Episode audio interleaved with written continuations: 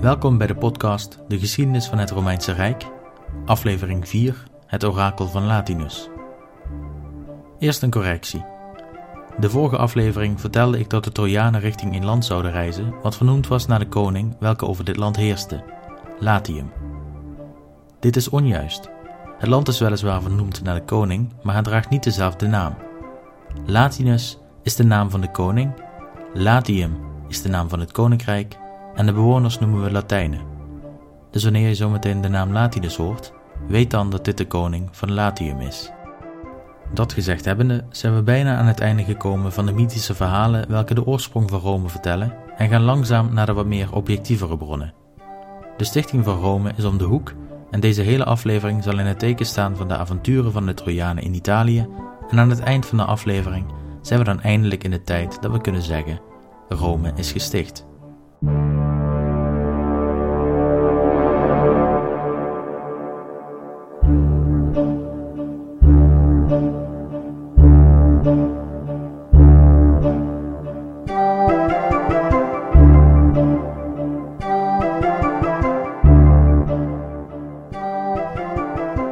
Zoals ik de vorige aflevering heb verteld, kwam er een eind aan het avontuur van Aeneas in de onderwereld en met vaders raad op zak liet hij de schepen gereed maken voor nog één reis langs de Italiaanse kust.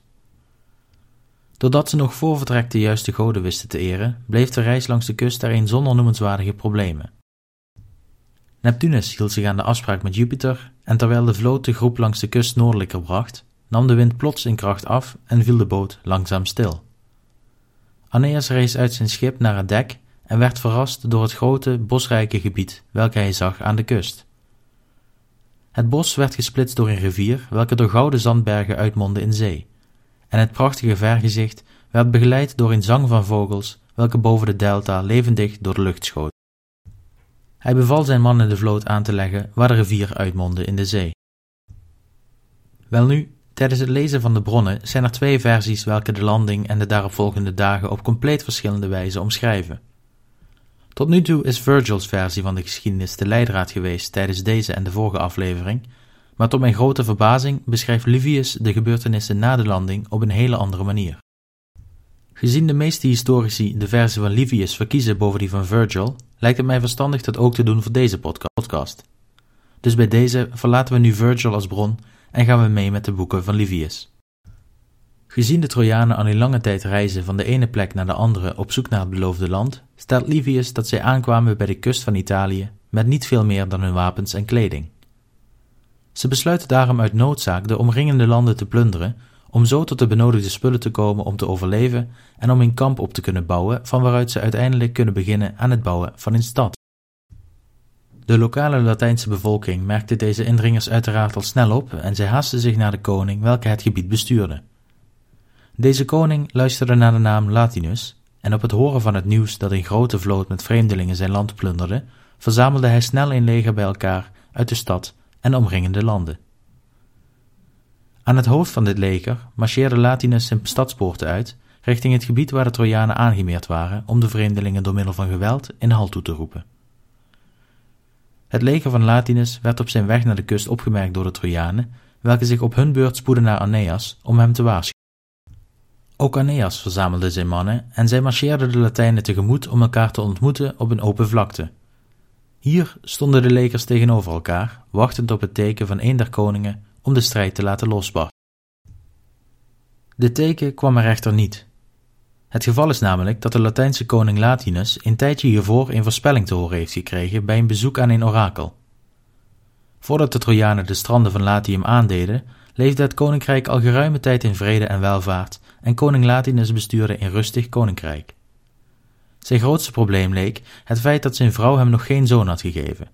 Zijn enige kind was namelijk een dochter genaamd Lavinia. Lavinia was in haar tienerjaren en rijp om te trouwen met een man welke haar vader voor haar en voor het koninkrijk geschikt achtte. Om de continuïteit van zijn koninkrijk te waarborgen voor het geval Lavinus eens zou sterven, bedacht hij dat het wel eens handig zou kunnen zijn om zijn dochter te laten trouwen met de leider van een naburige volkstam waar de Latijnen al jaren in vriendschap mee samenleefden. Deze stam heeft de Latijnse naam Rutili gekregen en de mensen uit deze stam werden de Rutiliërs genoemd. Het stamhoofd van de Rutiliërs was een van de knapste mannen uit Italië en hij luisterde naar de naam Turnus. Naar verluid was Turnus gecharmeerd van het voorstel om te trouwen met de Latijnse prinses en hij accepteerde. Alles leek in kannen en kruiken, maar wanneer Latinus een orakel bezocht, brak een voorspelling als in donderslag bij heldere hemel zijn toekomstige alliantie met de Rutiliërs. Uit het orakel was een stem te horen, welke aankondigde: Ik zie een held aankomen op uw stranden, en achter hem een heel leger. Zij zoeken dezezelfde plek om te heersen uit een hoge citadel. Geloof niet in de verbinding van uw dochter door Latijns huwelijk. Vreemdelingen worden uw geslacht, welke met hun bloed onze naam tot aan de sterren zullen doen reizen, en wiens kinderen de zon laten gehoorzamen en alles van deze wereld te laten zien. Met de voorspelling in het achterhoofd staat Latinus met zijn Latijnse leger tegenover dat van de Trojanen, en in plaats van de totale vernietiging van een der legers, stapt Latinus in zijn eentje uit de rangen naar voren. Hij herinnert zich de woorden van het orakel en is overtuigd dat deze vreemdelingenkoning wel eens de eerste vader zou kunnen zijn van het volk dat zal heersen uit de hoge citadel. Hij vraagt Aeneas naar wat voor mannen zij zijn, waar ze vandaan komen en wat hen ertoe bracht hun huizen te verlaten en met welk doel zij de kust van zijn koninkrijk betraden. Na het horen over de reis van Aeneas raakt Latinus overtuigd dat deze vreemdeling de man uit de voorspelling is en hij biedt hem in plaats van oorlog vrede aan. Na deze ontmoeting komen Aeneas en Latinus samen in het paleis van de Latijnse koning aan om de vriendschap te bezegelen. Aeneas herinnert zich de boodschap van de geest van zijn overleden vrouw Creusa, die zei dat hij opnieuw zou trouwen, en Latinus denkt aan de voorspelling van het orakel. Lavinia wordt aangeboden aan Aeneas, welke accepteert. En zo wordt de politieke alliantie versterkt door het samenvoegen van beide huizen. Door dit alles raken de Trojanen overtuigd dat zij eindelijk zijn aangekomen bij het juiste land, en Aeneas geeft direct het zijn om te beginnen met het bouwen van een stad genaamd Lavinium, vernoemd naar zijn vrouw. Wanneer de feesten van de koninklijke bruiloft over zijn en de bevolking van Latium langzaam herstellende is van de kater, bereikt het nieuws van de bruiloft ook de naburige volkstam van de Rutuliërs. Stamhoofd van deze Rutuliërs, Turnus, was toch echt in de veronderstelling dat de Latijnen Lavinia aan hem beloofd hadden, en hij was dan ook not amused toen hij hoorde dat een of andere vreemdeling er met zijn bruid vandoor was gegaan.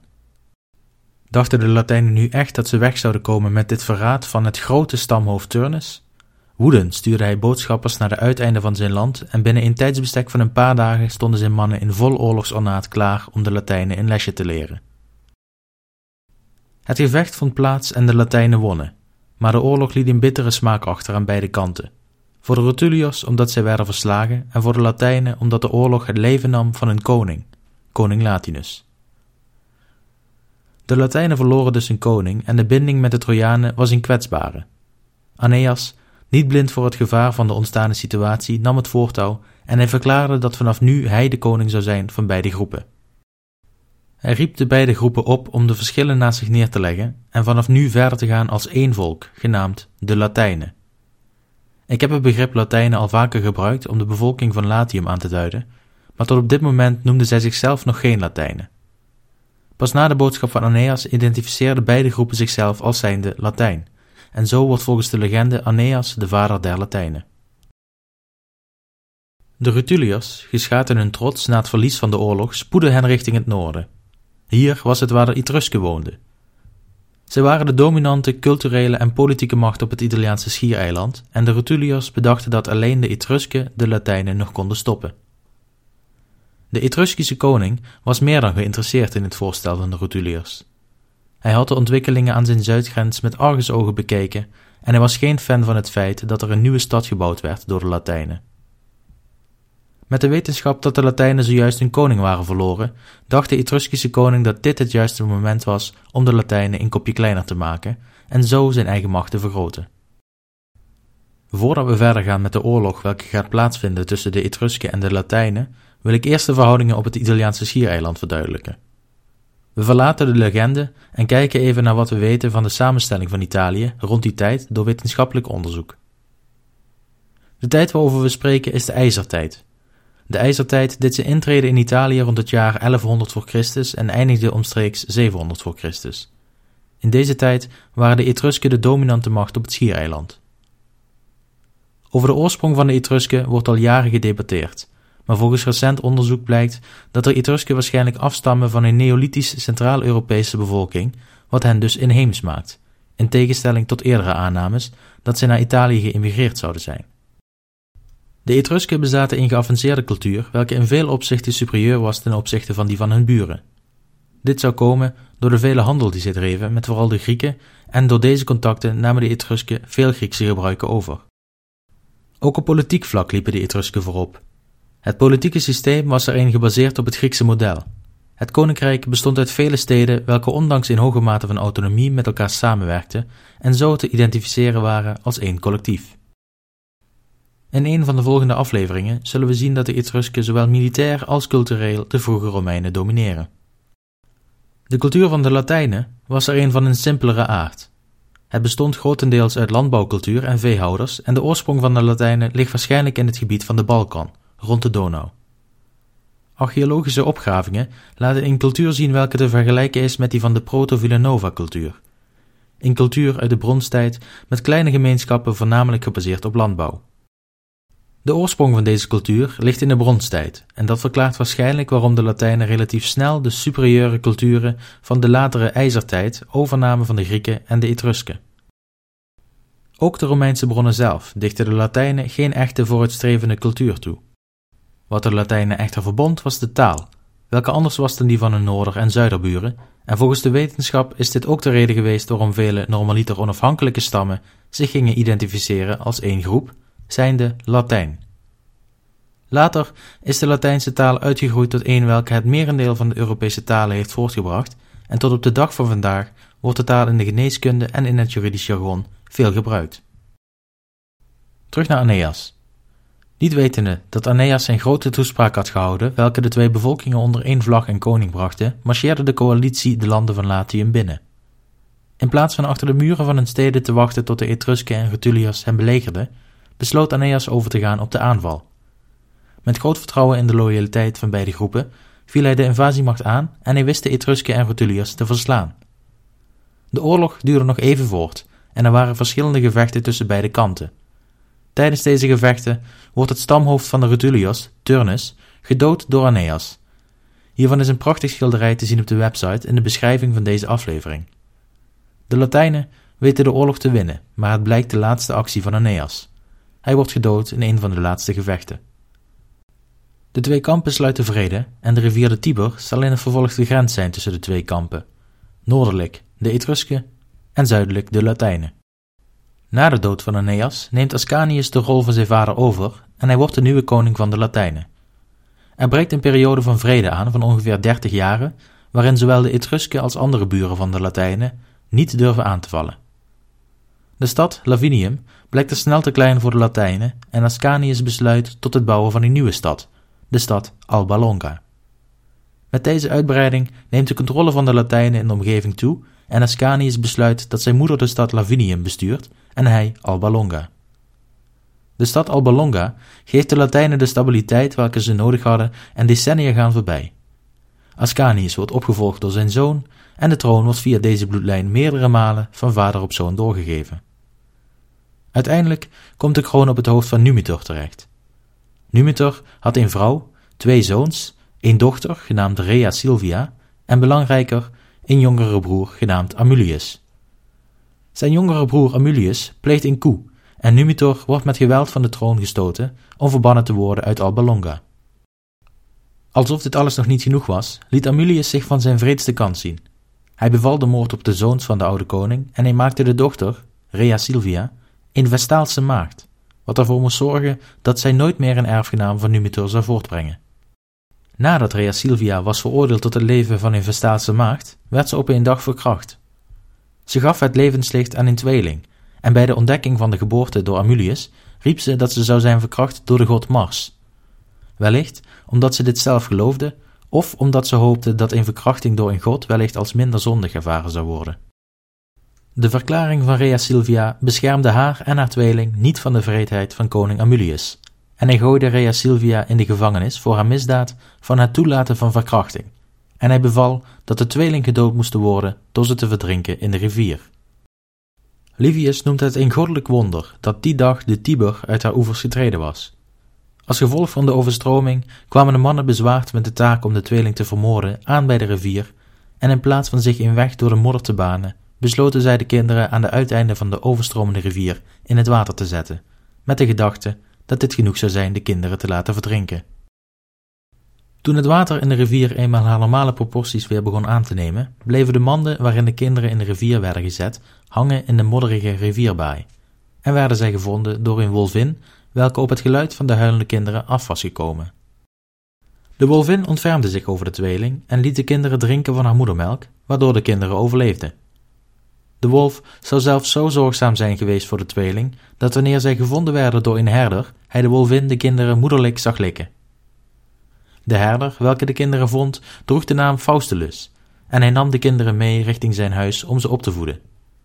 Livius noemt dit verhaal in een van zijn boeken waarschijnlijk onzin. Hij vertelt dat het wolvin eigenlijk een prostituee was, welke door de herders, waaronder dus ook Faustulus, Lupa werd genoemd, wat wolvin betekent. Er zijn vele versies van het verhaal over de vondst van Romulus en Remus, en de vraag blijft of het een stichtingsmythe is of dat er een vorm van waarheid achter zit. Een interessant artikel over deze vraag is te vinden op de website. Hoe het ook zij, de tweeling werd meegenomen door Faustulus, en onder zijn vleugels groeien Romulus en Remus op tot gezonde jonge mannen. Eenmaal de leeftijd van jongvolwassenen bereikt, doen de bronnen ons geloven dat de twee uitgroeiden tot lokaal geliefde helden. Ze hielden zich bezig met het aanvallen van bandieten in de omgeving van de boerderij van Faustulus, welke dit gebied beroofde van al hetgeen dat iets van waarde hield. De hinderlagen lieten de bandieten rennen voor hun leven, en de buiten welke Romulus en Remus hiermee terugkregen, verdeelden zij over de lokale bevolking. Tijdens deze Robin Hood-achtige acties verzamelden Romulus en Remus een groep mannen om hen heen, van ongeveer dezelfde leeftijd, en zo werd het voor de bandieten steeds moeilijker om het gebied te beroven. De bandieten waren uiteraard niet blij met de broers, en zij bedachten een plan om de twee een lesje te leren. Het verhaal gaat dat de broers deelnamen aan een jaarlijks terugkerend festival, waarin de deelnemers naakt meededen aan verschillende sportieve activiteiten. Het is tijdens dit festival dat de bandieten de broers onverwacht aanvallen en er breekt een kortstondig gevecht uit. Romulus en Remus worden verrast en Remus wordt gevangen genomen door de groep bandieten, daar waar Romulus zichzelf weet te verdedigen en ontsnapt. Remus werd door de groep meegenomen naar koning Amulius, en eenmaal hier vertelden de bandieten aan Amulius dat Remus opgepakt zou zijn terwijl hij de landen van zijn broer en oud-koning Numitor aan het beroven was.